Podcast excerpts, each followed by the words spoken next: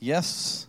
Så hver, eh, hver kveld på disippelskolen så kommer vi til å dele ut eh, undervisning, undervisningsnotatene. Um, som er liksom bit for bit, da. Ja, det er to, to ark. Mm. Ja, to ark til hver. Som er på en måte bit for bit da, av, eh, av det som blir en sånn disippelskolemanual, eller en disippelgjøringsmanual. Og eh,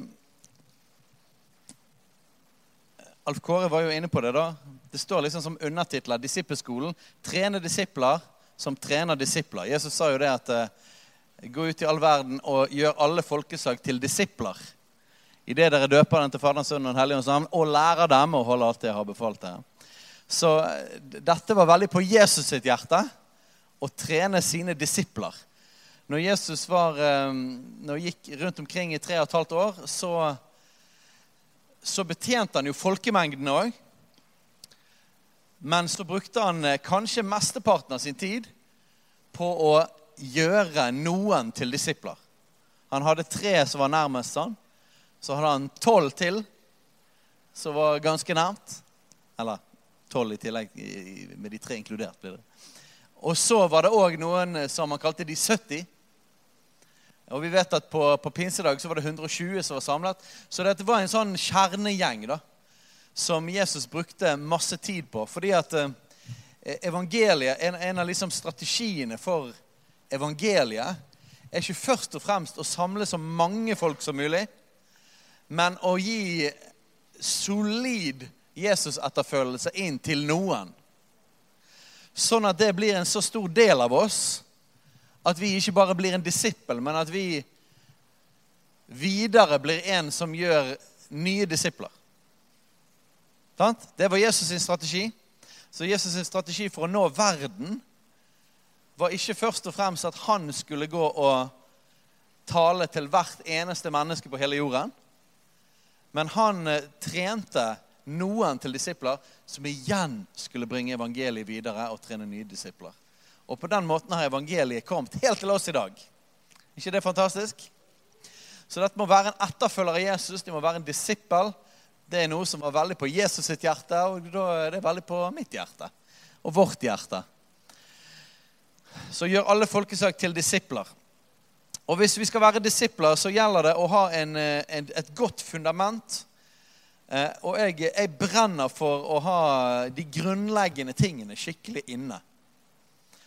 Og eh, hvis vi har fundamentet skikkelig på innsiden, så er det det, kan vi gi det videre til nye. Og jeg tror det at eh, Min drøm for at vi gjør dette disippelskolegreiene, er ikke liksom først og fremst at vi skal ha bare en, enda en samling, eh, vi som liksom allerede er i menigheten, og flere andre som vil komme men det at, skal, eh, at, at, det kan være en katalysator til å starte en disippelkultur som får igjen konsekvenser for nye folk. Så når nye mennesker blir frelst Både har vi liksom et konkret redskap å få det inn i det, men mer enn det så er vi alle sammen Vi bærer disse tingene i oss. Og jeg tror det at, eh, jeg tror det, at det har vært for lite grunnleggende bibelundervisning i liksom Kristi kropp eh, i mange, mange år. At det har vært mye spising av sukkerspinn eh, og mindre gråbrødspising. Og vi trenger gråbrød. Vi trenger solid mat. Vi trenger et eh, skikkelig fundament. Sånn at det som blir det vårt liv med Jesus er bygget på, det er solid. For at Bygges det skeivt eller det store mangler i fundamentet, så er det òg lettere at huset raser ned. Så dette er for at dette skal bygges mer inn i oss, selv om jeg vet at de fleste av oss her er, er, folk som har vært disipler av Jesus i mange mange år. Så skader det ikke det hele tatt å pusse litt på fundamentet. Eh, og, men òg enda mer enn det. Gjøre oss bevisst av disse tingene. Sånn at vi vet hva vi skal gi videre til nye. For dette brenner for å gjøre nye, nye folk til disipler av Jesus. Nyfrelste mennesker. Så hvordan, mange lurer på det, hvordan leder jeg noen til Jesus? Hvordan deler jeg evangeliet? hvordan, hvis noen blir frelst, hvordan, hvordan, hvordan tar jeg det igjennom virkelig til frelse? Og hva, det, hva, gjør jeg etterpå? Hva gir jeg de da? Hva er det viktigste de trenger å ha på plass i livet sitt? Og det er de tingene vi skal gå gjennom på disippelskolen. Vi har rett og slett valgt ut de tingene som vi mener er det aller mest sentrale en disippel har på plass helt i grunnmuren av livet sitt. Og som gjør at hvis vi, hvis vi vekker dette opp i oss, så er det sånn at vi òg lettere kan gi det videre. Og litt utover året så kommer vi til å helt spesifikt ta en del av det som vi lærer, og så skal vi trene spesifikt på hvordan gir jeg dette til andre folk. Hvordan gir jeg dette videre? Så dette er altså nummer én. Og i, i starten av, eh, av disippelskolen så skal vi eh, se på noe som kalles grunnvollen. Grunnvoll er jo det samme som fundament. Og eh, nå er det sånn at Paulus han sa det sånn at eh, Jeg kan lese det. Det står i 1. Korinterne 3, vers 9. Der står det at For vi er Guds medarbeidere, og dere er Guds åkerland, Guds bygning. Etter den Guds nåde som er gitt meg, har jeg lagt grunnvoll som en vis byggmester. Og en annen bygger videre på den. Men enhver ser til til hvordan han bygger på den. For ingen kan legge en annen grunnvoll enn den som er lagt. Det er Jesus Kristus. Så grunnvollen er jo Jesus Kristus sjøl. Eh, men det er helt så spesifikke ingredienser i hva, hva er da Jesus. Det høres litt sånn ok, Grunnvollen er Jesus. Ja, men hva betyr det? Og det skal vi gå inn i. Så det første verset som står her på, på notatene, det er Hebreerne 6, 1-2. Og det morsomme med dette verset er at akkurat her så snakker hebreerbrevets forfatter om å, at vi må liksom gå forbi dette her med å legge grunnvoll og komme videre. Eh, og det er jo helt sant. Det er jo òg viktig. Eh, men akkurat nå er det jo ikke det vi skal gjøre. Vi skal faktisk legge grunnvoll. Eh, og gå forbi det er først når vi faktisk har lagd, lagt det solid. Eh, så, men her står det altså La oss derfor gå forbi barnelærdommen om Kristus og gå videre mot det fullkomne, så vi ikke igjen legger grunnvoll med omvendelse fra døde gjerninger og tro på Gud, med lære om dåp og håndspåleggelse, oppstandelse fra de døde og evig dom. Så, men nå er det jo akkurat det vi skal gjøre. da. Vi skal legge grunnvoll. Eh, og her står det noen av ingrediensene i grunnvollen. Eh, og her i, denne, i, dette verset står det først omvendelse for døde gjerninger, men det skal vi ta neste gang. Vi begynner med tro på Gud. Så grunnvollen, del én, det er tro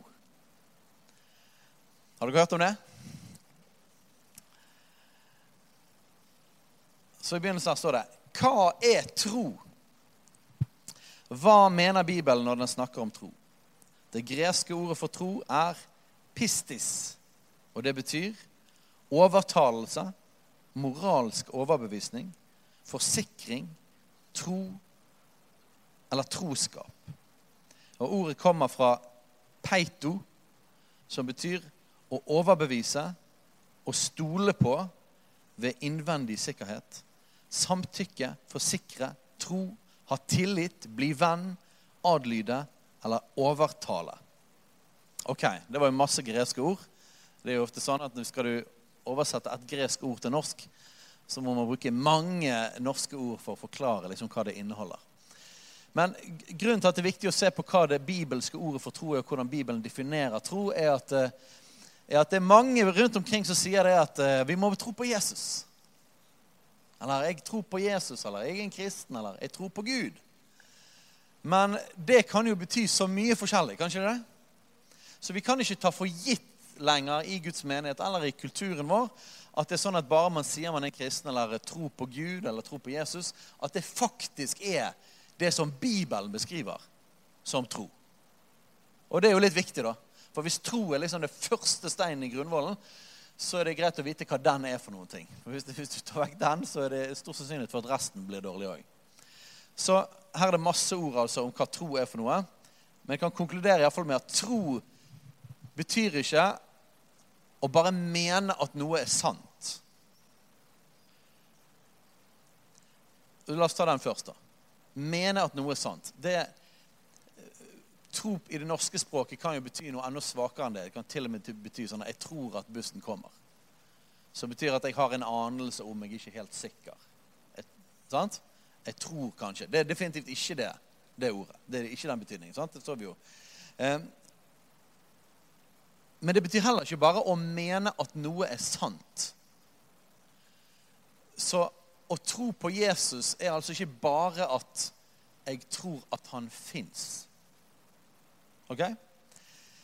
Tro betyr å være overbevist om det. Altså moralsk overbevisning. Forsikring. Det er et ganske kraftig ord. Det var en, eh, en eh, misjonær inn i en eller annen jungel i Sør-Amerika som eh, nådde ut til en stamme med evangeliet. Og så er det sånn at når, når en stamme tar imot evangeliet, som ikke har Bibelen på sitt språk, så må man jo prøve å oversette Bibelen til disse nye troende. Og så skulle han oversette ordet tro, som er jo ganske viktig i Bibelen. Men så hadde de ikke noe ord. Det var ikke noe ord han fant som kunne passe på dette bibelske ordet tro. Så det han eh, kom fram til etter å ha jobbet lenge med det, var at tro Han satt en stol Siden jeg var inne i jungelen, var det helt sikkert en sånn hvit plaststol. Eh, han satt en stol der, og så sa han at OK, la oss si at denne her stolen er Jesus. Ok? Kan vi se for oss det? Stolen er Jesus. Tro er ikke å mene at det er en stol der. Så jeg mener det er sant. Er det sant at det er en stol der? Ja. Men det er ikke tro. Ok? Tro er å sette seg på stolen med hele sin tyngde. Det vil si, jeg er fullstendig overbevist om at det er en stol der, for det første. Såpass at jeg kan sette meg ned på den i blinde. Men jeg, er så sikker på at det er en stol her, at jeg kan lene hele vekten min på stolen. Jeg kan legge Jeg kan sette all min lit til. Stole på. Så det er noe mer enn at jeg mener at det er sant. Det er noe som du kan legge livet ditt på. Så det er det bibelske ordet for tro. Og så ser vi Hebreerne 11,1. Men tro er full visshet om det en håper. Overbevisning om ting en ikke ser. Så her definerer jo Bibelen sjøl ordet tro, men vi ser at det bekrefter jo det greske ordet for tro. Så full visshet. 100% sikkerhet. Mens tro er òg noe dypere enn intellektuell overbevisning. Så det er ikke bare å være sikker på noe. Altså Jeg er helt overbevist om at det er sånn, eller det er sant. Men det er noe dypere enn det. Bibelen snakker om at tro, man tror med hjertet. Altså Det betyr at vi tror ikke med hodet, vi tror med hjertet. Tro er dypere enn intellektuell overbevisning. Man tror med hjertet, ikke hodet. Tro er hjertets fulle tillit til Gud. Så det, det, er noe, det, er noe, ganske annerledes enn 'jeg tror at bussen kommer'. Eller til og med ganske annerledes enn at jeg mener at det er riktig at det fantes en som het Jesus. For du blir ikke frelst av å mene at det er riktig at Jesus fantes. Sånn? Du kan si at 'jeg tror på Jesus fordi jeg mener han fins'. Ja, du blir ikke frelst av det. Og, og, det er ganske viktig å vite da, hva tro faktisk er for noen ting. I Romane 10, 9-10 der står det at for dersom du med din munn bekjenner at Jesus er Herre, og i ditt hjerte tror at Gud reiste han opp fra de døde, da skal du bli frelst. Med hjertet tror en til rettferdighet, og med munn bekjenner en til frelse. Med hjertet tror man. Det betyr at man tror med hjertet, ikke hodet. Så tro er ikke en kunnskapsting. Tro er en hjerteting. Hva er hjertet i Bibelen? Eh, hjertet er ikke følelsene. Hjertet er det dypeste i oss. Eh, det, det blir ikke sånn definert veldig veldig tydelig i Bibelen. Men det er, blir, det er et annet ord som blir brukt om hva som er det dypeste i oss, og det er vår ånd. Altså Hvert menneske er, er skapt med ånd, sjel og kropp. Så vi er òg et åndelig vesen. Men det dypeste delen av oss, det er, det er vår ånd. Og, og, når vi blir født på ny, så er det sånn at den hellige ånd flytter inn i vår ånd. I det innerste av oss. Og så flyter han fra det innerste av oss rundt i resten av oss. sant? Som Skriften har sagt, fra ditt indre skal det flyte strømmer av levende vann. Verset som jeg alltid siterer. Så det flyter liksom fra det innerste i oss. Så, så det innerste i oss, det er hjertet. Vi tror med det dypeste i oss, vår hjerte, vår, vår ånd. Så det er mer enn følelsene, og det er mer enn intellekt eller hode. Apostels gjerninger 8,37. Philip sa, 'Tror du av hele ditt hjerte, så kan det skje'. Dette var når Hoffmann spurte er det noe til hinder her, Se, her er det vann. Er det noe til hinder for at jeg kan bli døpt? Vi skal gå på dåp en annen dag. Så jeg skal ikke bli fristet til å snakke om det. Men Philip svarer hvis du tror, tror du av hele ditt hjerte Så vi tror med hjertet. Så kan det skje. Og han svarte ja, jeg tror at Jesus er Guds sønn. Så dette er jo ganske heftig. da. Så vi, Det er å tro med det innerste i oss, det er, vår, det er, vårt hjerte, det er vår ånd. Det er ikke intellektuelt hovedsakelig, det er heller ikke følelsesmessig. Og det er snakk om noe som man kan legge hele sitt liv på. Full tillit, og man er 100% sikker. Full overbevisning. Det er ganske kraftige greier.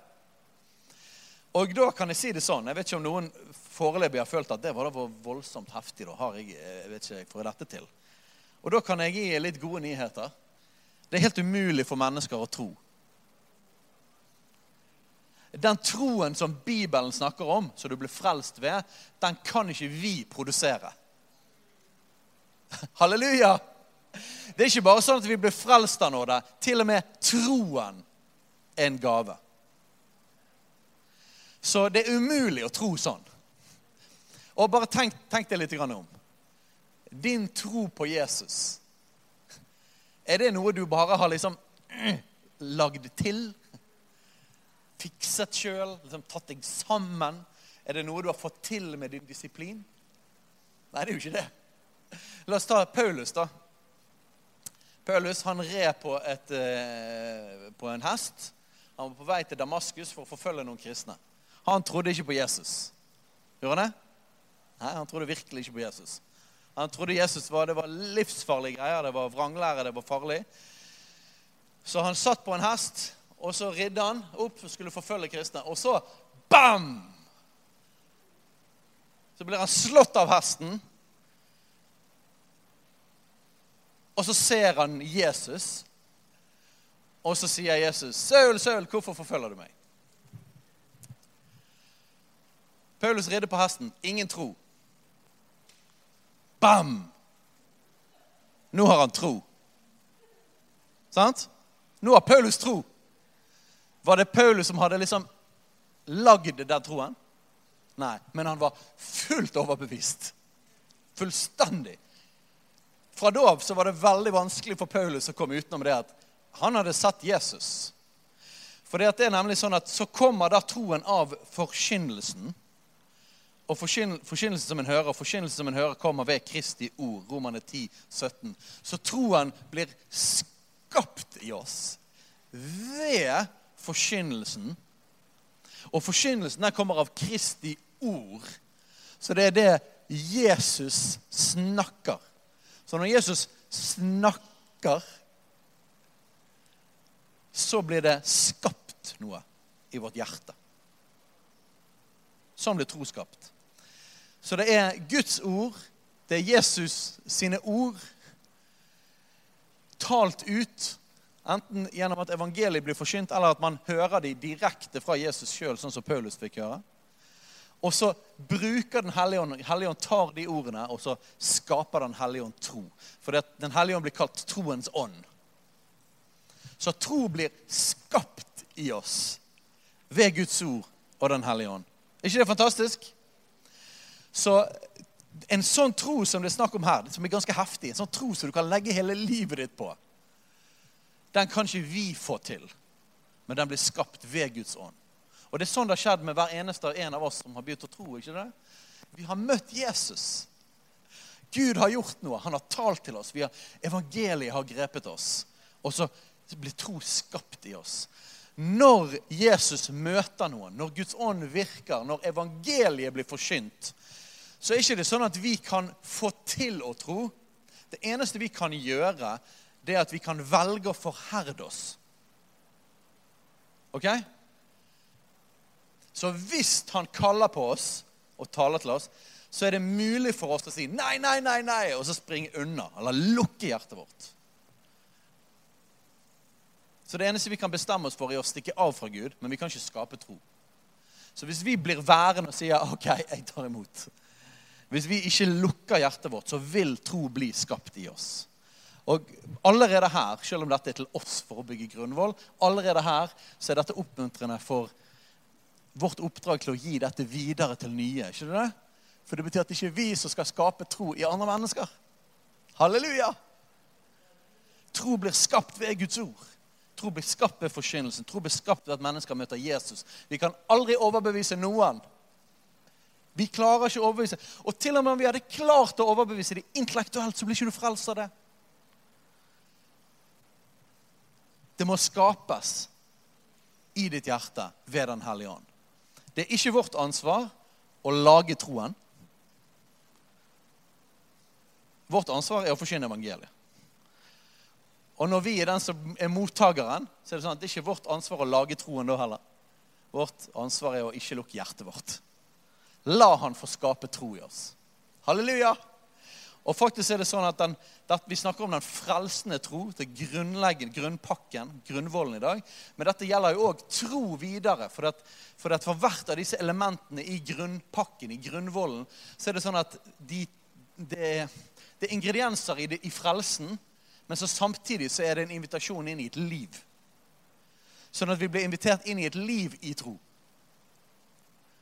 Så vi blir frelst av tro, men så er det sånn at vi får leve av tro. Og da er det på akkurat samme måten at det er Gud som skaper den troen ved ordet. Ordet og ånden smelter sammen i våre hjerter, og tro kommer. Så hvis vi mangler tro på et område, så er det vi trenger, ikke å ta oss sammen. Det vi trenger, er å bli utsatt for ånden og ordet. Sånn at det blir skapt tro. Og Hvis det er et, et spesifikt område, så kan det være det at vi trenger å høre forkynnelse om det. Vi trenger å lese Guds ord om det området. Og så vil tro begynne å vokse. Så troen kommer av forkynnelsen som en hører. Ok, men tilbake til dette med å bli frelst. Nummer to her tro på evangeliet. Bibelen sier at vi blir frelst ved tro. Men hva betyr det? Tro på hva da? Tro på Gud? Tro på Jesus? Det er veldig mange som sagt, Nå har vi definert hva tro er for noen ting. Så tro er altså full overbevisning. Tro er hjertet. Tro blir skapt av Den hellige ånd. Tro er liksom å kunne legge hele sitt, livet sitt på det. Full overbevisning. Det er noe vi ikke får til sjøl. Det blir skapt av Gud i oss. Ok, Så det er tro. Men så sier vi at ok, du blir frelst av tro. Men du blir ikke frelst av bare tro i løse luften. Du blir frelst av tro koblet til noe. Og hva er det det, da? Vi, vi kan si det at tror du på Jesus Og det er jo et kjempebra uttrykk, og det står om å tro på Jesus i Bibelen. Eh, eh, og, og det, men det innebærer ganske mye, da. Men Problemet er at vi kan si tror du på Jesus, så, så så kan folk ta det ut og si det at ja, jeg tror at det fantes en som het Jesus. Men du blir ikke frelst nødvendigvis bare av å tro på din egen forestilling om Jesus. Så hva blir jeg frelst ved? Blir jeg frelst bare å tro at det fins en Gud? Nei. Å tro på Gud det står ingen plasser i Bibelen at tro på Gud, så skal du bli frelst. Det står om å tro på Jesus. Men for å få helt klarhet i det, hvis du skal samle liksom sammen hvordan er det mennesker blir frelst når vi leser gjennom Det nye testamentet, så kan vi oppsummere det i dette verset her. Markus 1, 15. Her er det Jesus som sier Guds rike er kommet nær. Omvend dere og tro på evangeliet. Tro på evangeliet. Så man blir ikke bare frelst ved liksom tro i løse luften.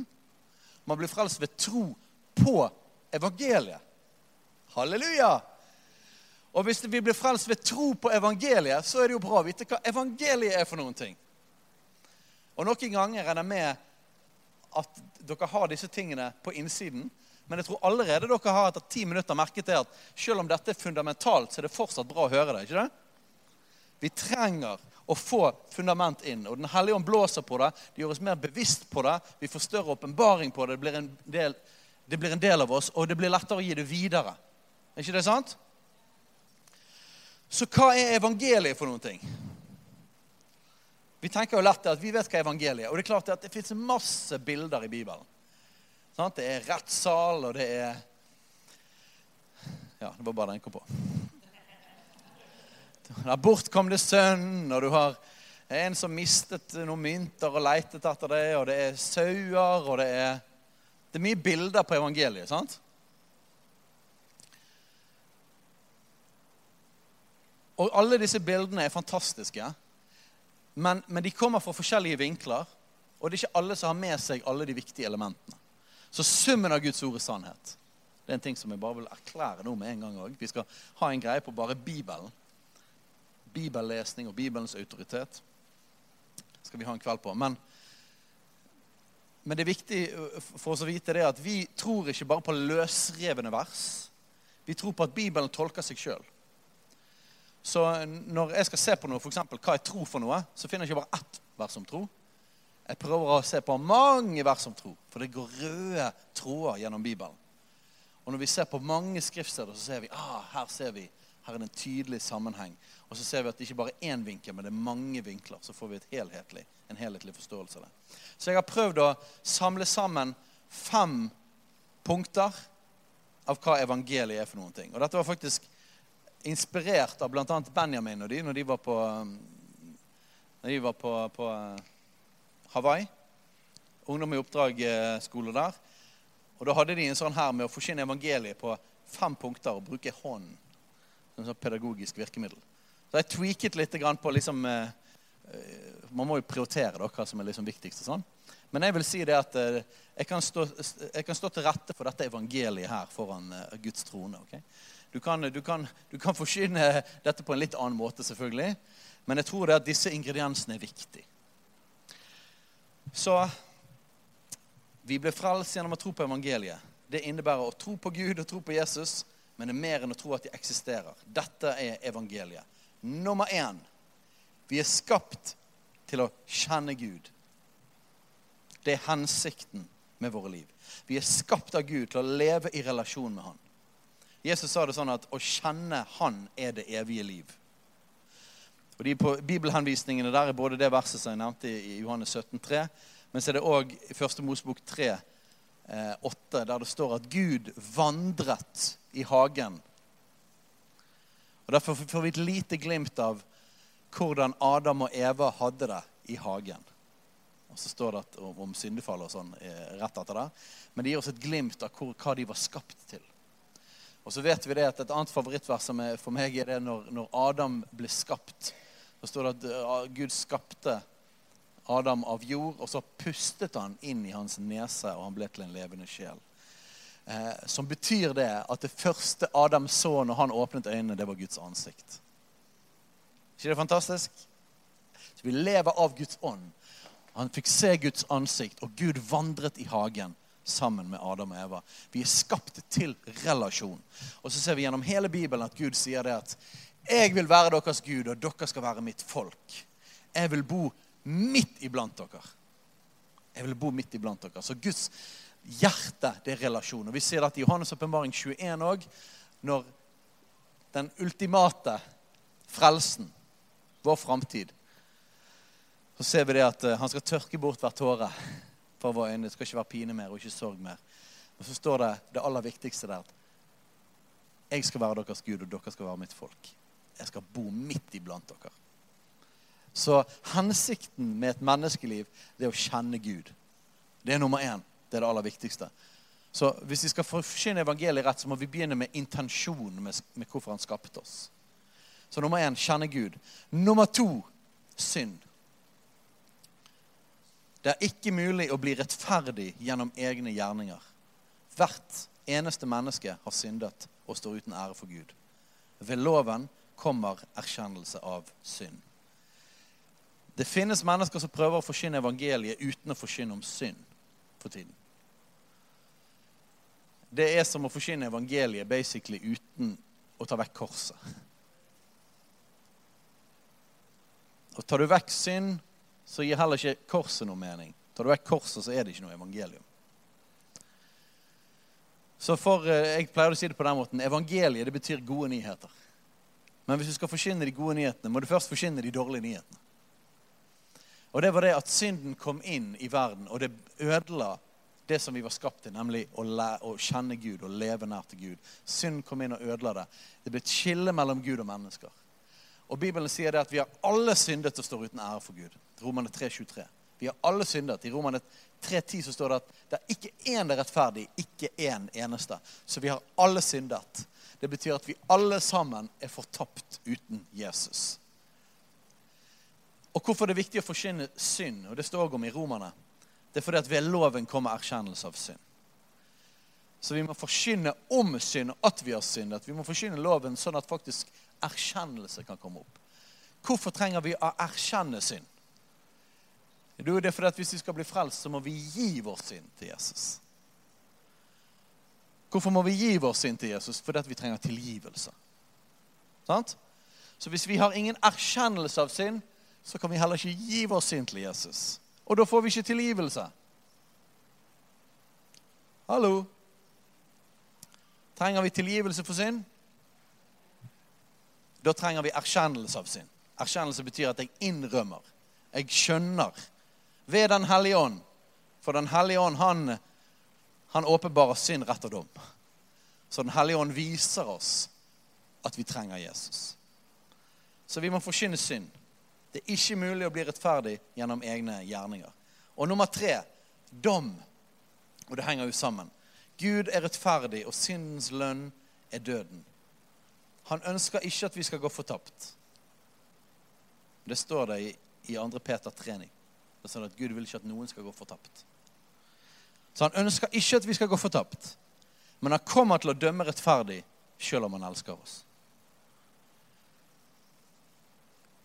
Og så sier Jesus sjøl i Markus 16, 16 så at den som tror og blir døpt, skal bli frelst.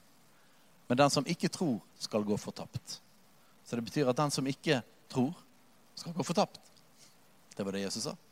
Syndens lønn er døden.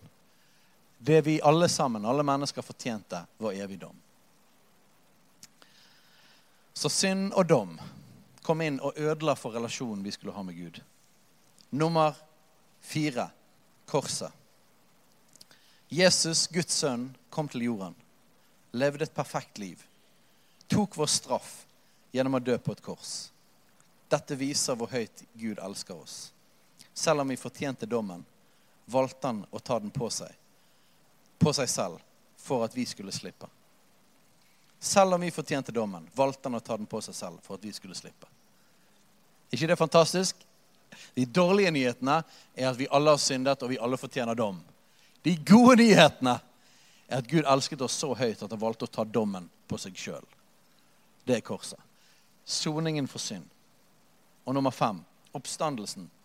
Jesus har seiret over synden, døden og djevelen da han sto opp fra de døde, og han sitter nå ved Guds høyre hånd og har blitt gitt all autoritet over himmel og jord. Jesus seiret over synden. Halleluja! Han seiret over døden han seiret over djevelen. Døden kunne ikke holde han fast. Jesus er oppstanden, og han har blitt gitt all makt, all autoritet over himmel og jord. Han ble satt i det himmelske ved Faderens høyre hånd, over alle ting. Så vi tror på en, en frelser som både bøyde seg ned og var en tjener, og ga seg sjøl som et offer. Men når han gjorde det, så vant han over djevelen. Han reiv våpenet til djevelen ut av hendene hans. Og han ble reist opp fra de døde, seiret over synd og djevelen og helvete. Og er nå en seierherre. Så han er både den ydmyke tjener og han er seierherre. Han er både Guds lam og han er løven av Juda. Halleluja! Tror du evangeliet? Det er spørsmålet. Dette er evangeliet. Så nå har vi snakket om hva tro er for noen ting, og hva evangeliet er for noen ting. Og hvordan blir vi frelst? Gjennom å tro evangeliet. Så tror du dette. Er du overbevist om det? Og evangeliet er ikke noe vi intellektuelt tror på. Det er noe Den hellige ånd Han bruker ordet, evangeliet, når det er forkynt. Og så skaper han noe på innsiden av oss. Og så driver han oss til å gi respons på det. Ok, Nå har jeg lyst til at vi skal ta en liten praktisk ting før vi går videre. Så jeg har lyst til at vi skal Snu oss, finne én. To og to. Klarer vi det? så har jeg lyst til at vi skal bare trene veldig enkelt og si med våre egne ord Vi kan prøve å bruke kort tid. Så har jeg lyst til at vi skal bare bruke disse fem punktene og bare dele dette enkelt med hverandre. Kan vi gjøre det?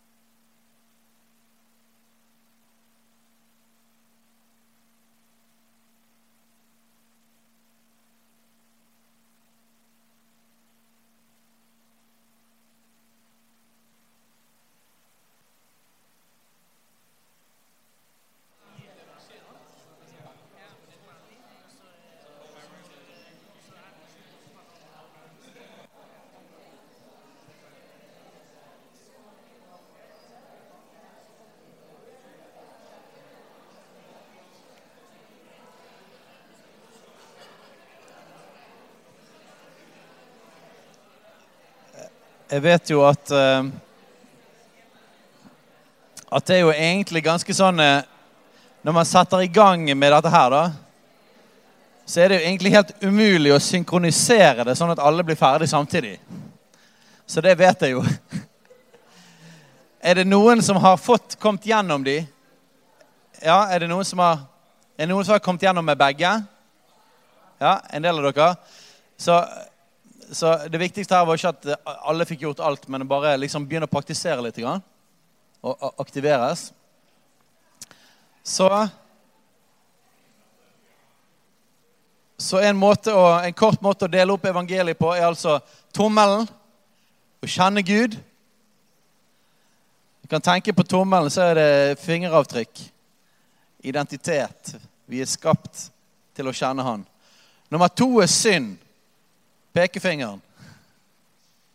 Den tredje den tør jeg ikke å si. Nummer tre er dom. Jesus ble til en forbannelse. Sant? Jeg skal ikke vise fingeren, men det kan være en, kan være en huskeregel. Jesus ble gjort til, han ble gjort til synd for oss. Han ble dømt. sant? Så kjenne Gud, synd, dom. Nummer tre korset. Det er fire, ja. Beklager. Fire. Korset. Nå tar jeg denne, denne fingeren. Eh, for her har jeg en ringfinger. Eller en ring på ringfingeren. Og da tenker jeg på at, eh, at eh, den bortkomne sønnen, når han kom tilbake, så fikk han ring på fingeren. Husker dere det? Så korset er det som tar oss tilbake igjen til Gud. Så ringfingeren, det, det er pakt med Gud. Det, eh, halleluja. Korset. Eh, og nummer tre oppstandelsen. Jeg har ikke noe eh, huskeregel på lille Nei. Ja, det er godt vi har Fredrik her. for det, ja. Når Fredrik ikke er her, da, er det bare kaos. Men jeg har altså sagt feil nummer eh, flere ganger nå. Den siste fingeren er den femte fingeren. ja? Halleluja. Så kjenne Gud, synd, dom, korset, oppstandelsen. Halleluja. Så det kan man bruke som en huskeregel i forhold til å dele evangeliet. ok? Men vi tror på evangeliet, sant? Evangeliet er gode nyheter. Nummer tre tro og bekjenne. Man tar imot Jesus gjennom å tro evangeliet i sitt hjerte og bekjenne det med sin munn. Og videre gjennom omvendelse og dåp. Neste disippelskolekveld skal vi snakke om omvendelse. Gangen etter det skal vi snakke om dåp. Okay? Så alle de tre er en del av fundamentet. Men det begynner med tro. Det begynner med tro. Og Da tar vi dette verset om igjen, men nå skal vi bare fokusere på en annen bit av det verset. I sted så tok vi dette her og fokuserte på hjertet. Men Romerne 10, 9-10, for dersom du med din munn bekjenner Bekjenner med din munn at Jesus er Herre, og ditt hjerte tror at Gud reiste han opp fra de døde, da skal du bli frelst. Med hjertet tror en til rettferdighet, med munnen bekjenner en til frelse. Så tro og bekjennelse I Apostelens gjerninger 8.37. Tar vi det, det er akkurat det samme verset igjen, men fokus på den andre biten av det. Tro du av hele ditt hjerte så kan det skje. Men han svarte. Så han sa noe tilbake igjen. Jeg tror at Jesus Kristus er Guds sønn. Så han bekjente. Han trodde i hele, hele sitt hjerte, og så bekjente han det med sin munn. Bekjennelse betyr å si noe ut, si det høyt fortelle det til andre mennesker. Men det er òg en proklamasjon for makter og myndigheter. Så vi taler ut, vi erklærer ut. Bekjennelse er kraftige saker. Vi vet jo at Gud skapte verden med å si. Han talte ut. Bli lys, og det ble lys. Så når vi tror i hjertet, når evangeliet har fått rot, troen har fått rot i vårt hjerte, og så vi taler det ut, da skjer det noe i åndeverdenen. Det skjer noe inni oss. Det, er en mektig ting. Eh, men òg når vi er delt evangeliet, så er det en bekjennelse av evangeliet. Ikke? En bekjennelse av Jesus. Så bekjennelse betyr å si noe høyt. 2. Korinterne 4, 13. Men siden vi har den samme troens ånd, slik det står skrevet Jeg trodde, derfor talte jeg. så tror også vi, og derfor taler vi. Ser du at det fins en sterk kobling mellom å tro i hjertet og tale ut med sin munn? Så det henger tett sammen. Og Neste vers sier det at Lukas 6,45 her sier Jesus et godt menneske bærer fram det som godt er, av hjertets gode forråd. Og et ondt menneske bærer fram det onde av sitt onde forråd. Og så sier han dette som et ord som vi, vi sikkert kjenner godt. sant? For det hjertet flyter over av, det taler hans munn. Så det hjertet er fylt av, det kommer ut. Se her fire vers som bekrefter dette her, med koblingen mellom tro på innsiden og det å tale det ut. Så bekjennelsen er tegnet på at vi tror. Det er ikke mulig å tro og ikke si det ut. Troen fører alltid til praktisk handling. Hvis ikke er troen død. Der står det om noe om det i Jakobs brev. Og Da handler det om å handle på troen, at det får praktisk virkning. Men det vil si at tro er ikke bare noe som sitter i hodet. Sant? Det er tilbake igjen til det. Tro kan ikke være der. Tro er å legge seg på noe med hele sitt liv. Det er noe som skjer i hjertet. Og da kommer det ut munnen. Så å tro og å tale i, i, i, Norge så det jo, har det jo vært populært i ganske mange år, dette med å være, være litt sånn personlig eh, hemmelig kristen. Sant? Eh, det er ikke et konsept vi finner i Bibelen. Det betyr ikke det at du må rundt og løpe rundt og rope det hele tiden. Men det betyr at hvis troen er virkelig på innsiden av oss, skapt av Den hellige ånd ved Guds ord, så vil det flyte ut av oss. Sant? For vi tror altså ikke bare med hodet at vi mener noe er sant. For du kan godt skjule noe som du mener er sant. Men bibelsk tro, det troen Bibelen snakker om, er altså noe som har truffet hjertet vårt på en sånn måte at vi er totalt overbevist. Og har, det, vi, vi har, vi, hele livet vårt hviler på det. Vi har tillit til Gud. Og det kommer ut. Halleluja. Siste, siste område vi skal snakke om i forhold til tro. Nummer fire. Hva får vi gjennom tro? Så står det om fem fantastiske ting som vi får gjennom tro. Nummer én frelse. Frelst betyr Sa du? Halleluja. Amen. Jeg trodde jeg hadde sagt noe feil igjen, Fredrik.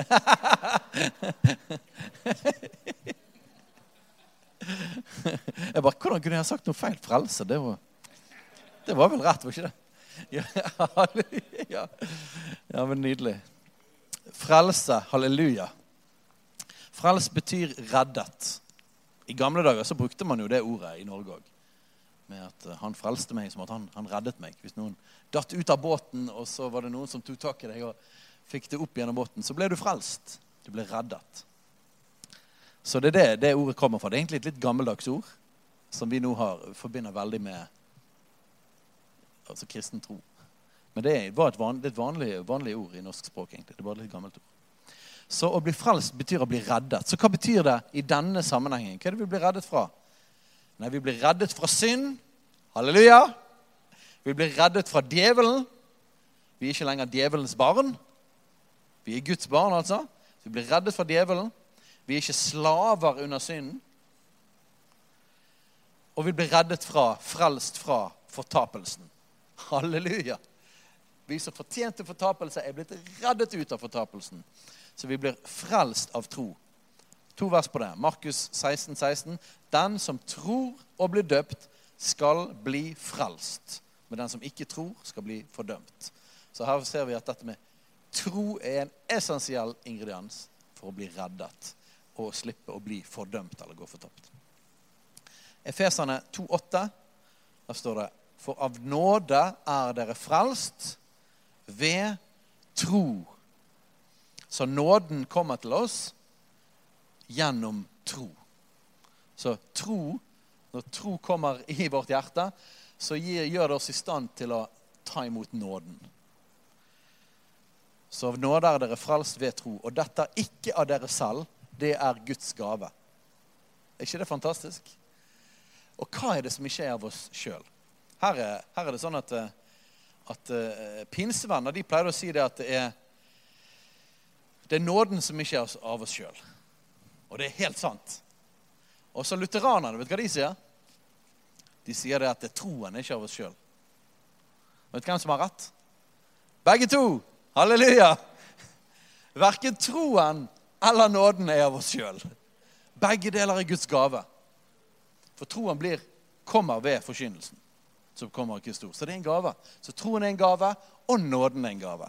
Halleluja. Merker jeg blir litt glad. Det, det. Evangeliet er oppmuntrende. Det er gode nyheter.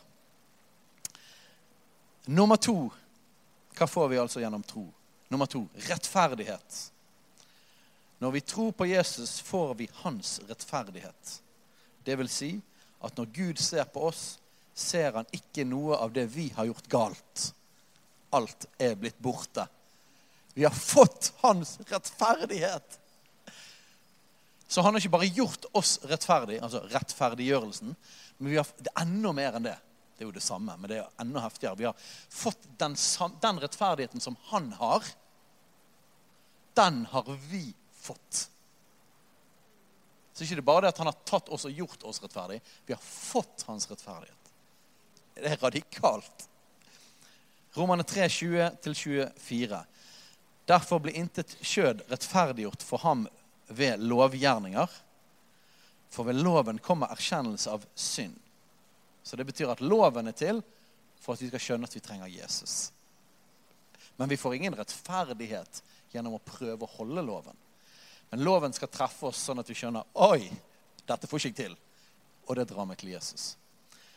Men nå er Guds rettferdighet, som, som loven og profetene vitner om, blitt åpenbart uten loven. Det er Guds rettferdighet ved tro på Jesus Kristus. Til alle og over alle som tror. For det er ingen forskjell. Alle har syndet og mangler Guds herlighet. Og de blir rettferdiggjort for intet av Hans nåde ved forløsningen i Kristus Jesus. Så gjennom tro på Jesus Kristus så får vi altså rettferdiggjørelsen. Vi blir gjort rettferdig. Vi får hans rettferdighet. Galaterne 2, 16. Men da vi innså at et menneske ikke blir rettferdiggjort av lovgjerninger, men ved tro på Kristus Jesus, da trodde også vi på Kristus Jesus for å bli rettferdiggjort ved tro på Kristus og ikke av lovgjerninger. For ikke noe menneske blir rettferdiggjort av lovgjerninger. Jeg liker veldig godt den her. Når vi skjønte det at man blir rettferdig ikke av lovgjerninger, men gjennom å tro på Jesus Kristus, da trodde vi på Jesus. Jeg tenkte, Det var en god idé, Paulus. Når vi skjønner det, at vi ikke kan bli rettferdiggjort av våre egne gjerninger, men vi skjønner at det blir gjort av, gjennom tro, da foreslår jeg la oss velge tro, ikke lovgjerninger. Halleluja. Barnekåret. Gjennom tro så blir vi adoptert inn i hans familie. Vi blir hans barn, og han blir vår far. Det er jo bare gode nyheter. Det er god nyhet på god nyhet. Vi får altså frelse, vi blir reddet, vi får hans rettferdighet, og vi får barnekåret. Vi blir hans barn. 1. Johannes 1,12. Men alle dem som tok imot ham, dem ga ham rett til å bli Guds barn. Hvem da? De som tror på hans navn. Halleluja.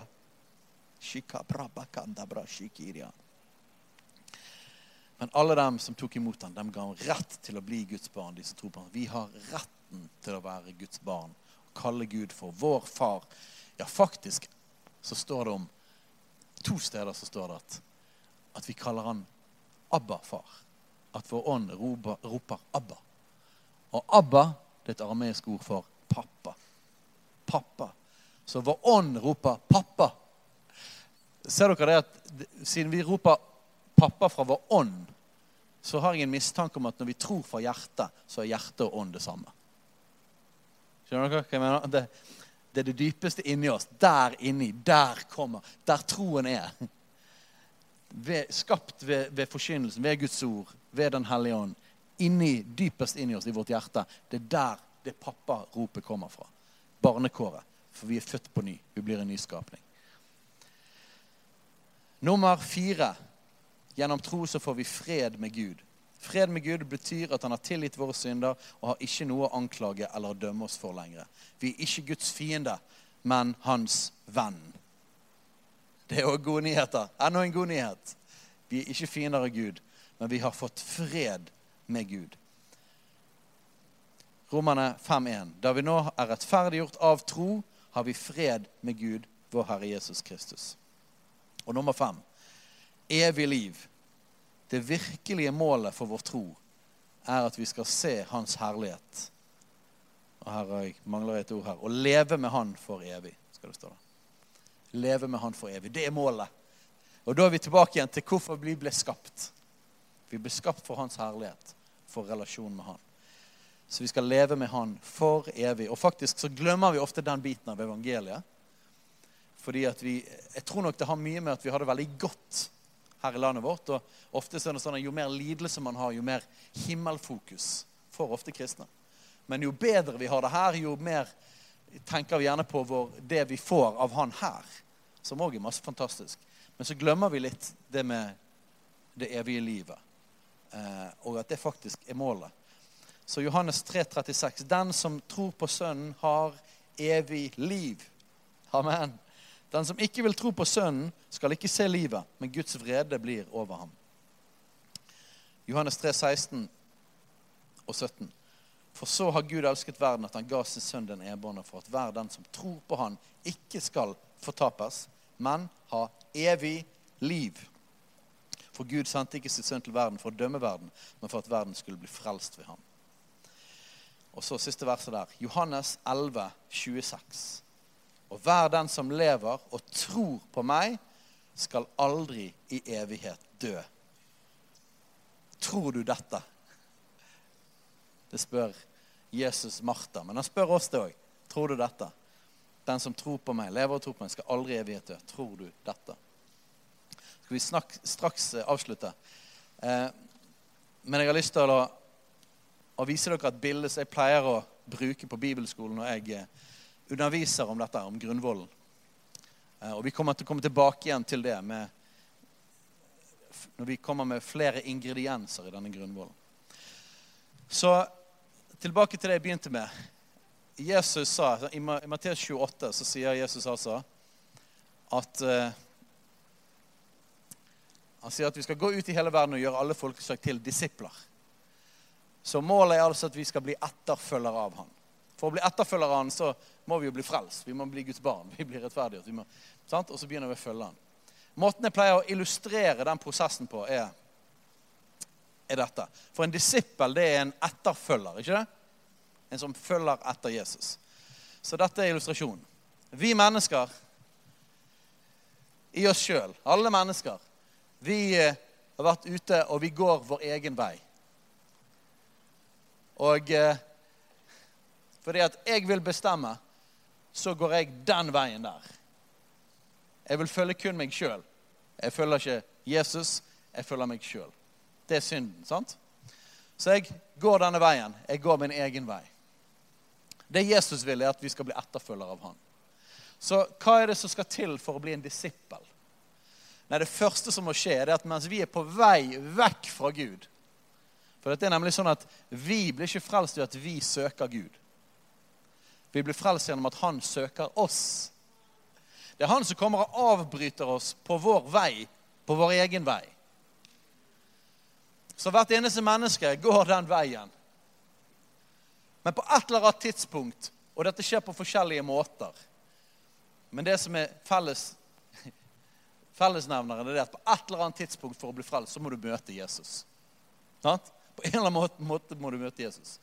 Så du er på vei der. Tenk deg at du er som Paulus, som er på, på hesten, og du rir der. På et eller annet tidspunkt her så må du få et møte med Jesus. Og Jesus han søker oss. Han lengter etter oss, han jager etter oss. Han bruker masse forskjellige ting. Han får bestemødre til å be, han sender noen kristne folk til å gi kjærlighet. Noen kommer og baker boller til deg. Noen er grei med deg når du var stygg med de, og så får du kanskje høre et vitnesbyrd. og så får du, sant?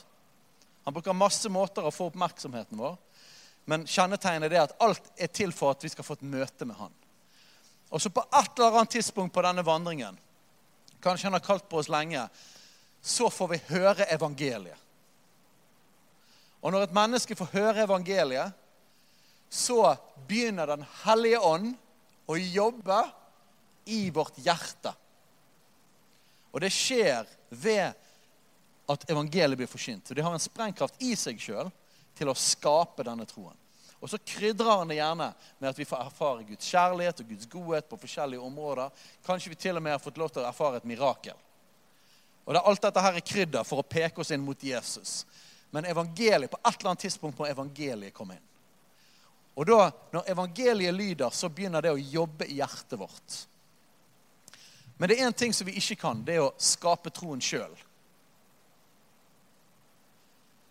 Men hvis vi ikke forherder oss når Gud kaller på oss, og når evangeliet kommer, så vil tro begynne å bli vokse på innsiden. Troen er ikke noe, det er ikke vårt valg. Troen er noe som han skaper i oss. Så her står jeg. Gud begynner å jobbe med hjertet mitt. Så det første steget for å bli en disippel er at jeg begynner å tro på Jesus. Og jeg hører evangeliet. Og når F.eks. evangeliet sånn som vi delte det. Når det kommer, så bare Og Gud har jobbet med oss, han har jobbet med hjertet vårt. Så kan vi si ja. Jeg tror det. Jeg ser. Jeg kan se. Dette er sant. Jeg vil ta imot det. Jeg erkjenner det at jeg trenger nåde. Jeg trenger tilgivelse. Ok, Så det er tro. Ikke det? Så gjennom tro så får vi rettferdighet. Vi blir Guds barn. Vi får tilgivelse for synd. Men Gud er ikke ferdig. Så dette var del én tro. Han vil at vi skal være en disippel.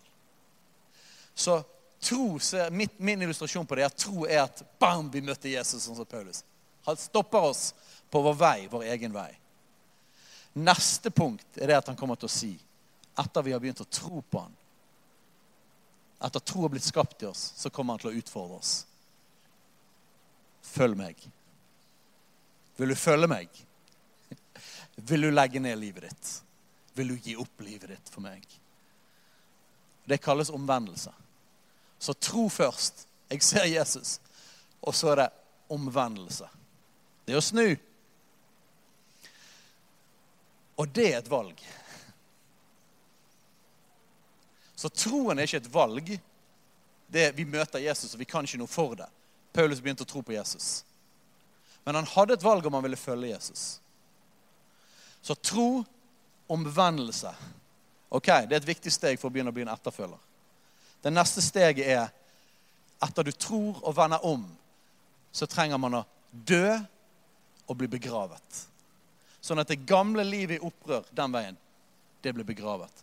Så det neste steget er dåp. Dukket ned. Drepe gamle Adam. Og stå opp igjen til et nytt liv. Halleluja! Enda et skritt mot etterfølgelse.